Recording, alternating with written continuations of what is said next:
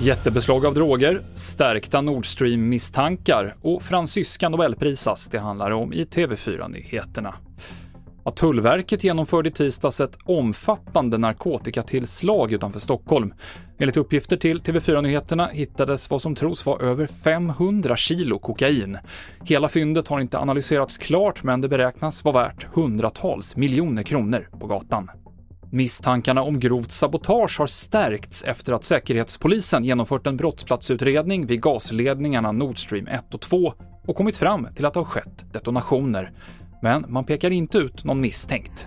Det är ännu för tidigt att säga vem eller vilka som skulle kunna misstänkas för det här brottet. Eh, den fortsatta förundersökningen får ju utvisa det om någon kommer att kunna delges misstanke om brott. Nina Oderman Schei på Säpo. Och årets Nobelpris i litteratur går till den 82-åriga franska författaren Annie Ernaux. Hon har varit aktuell i många år, säger Svenska Akademin, och hon beskrivs som en lättillgänglig författare. Vi hör förläggaren Lisa Lindberg på hennes svenska förlag Norstedts.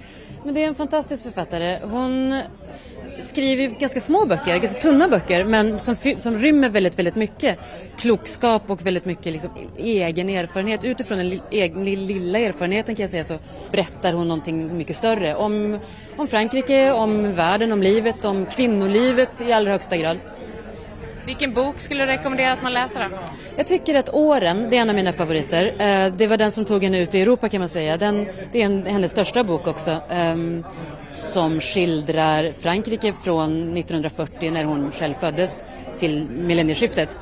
Uh, den ger en helt fantastisk bild av att leva i efterkrigseuropa.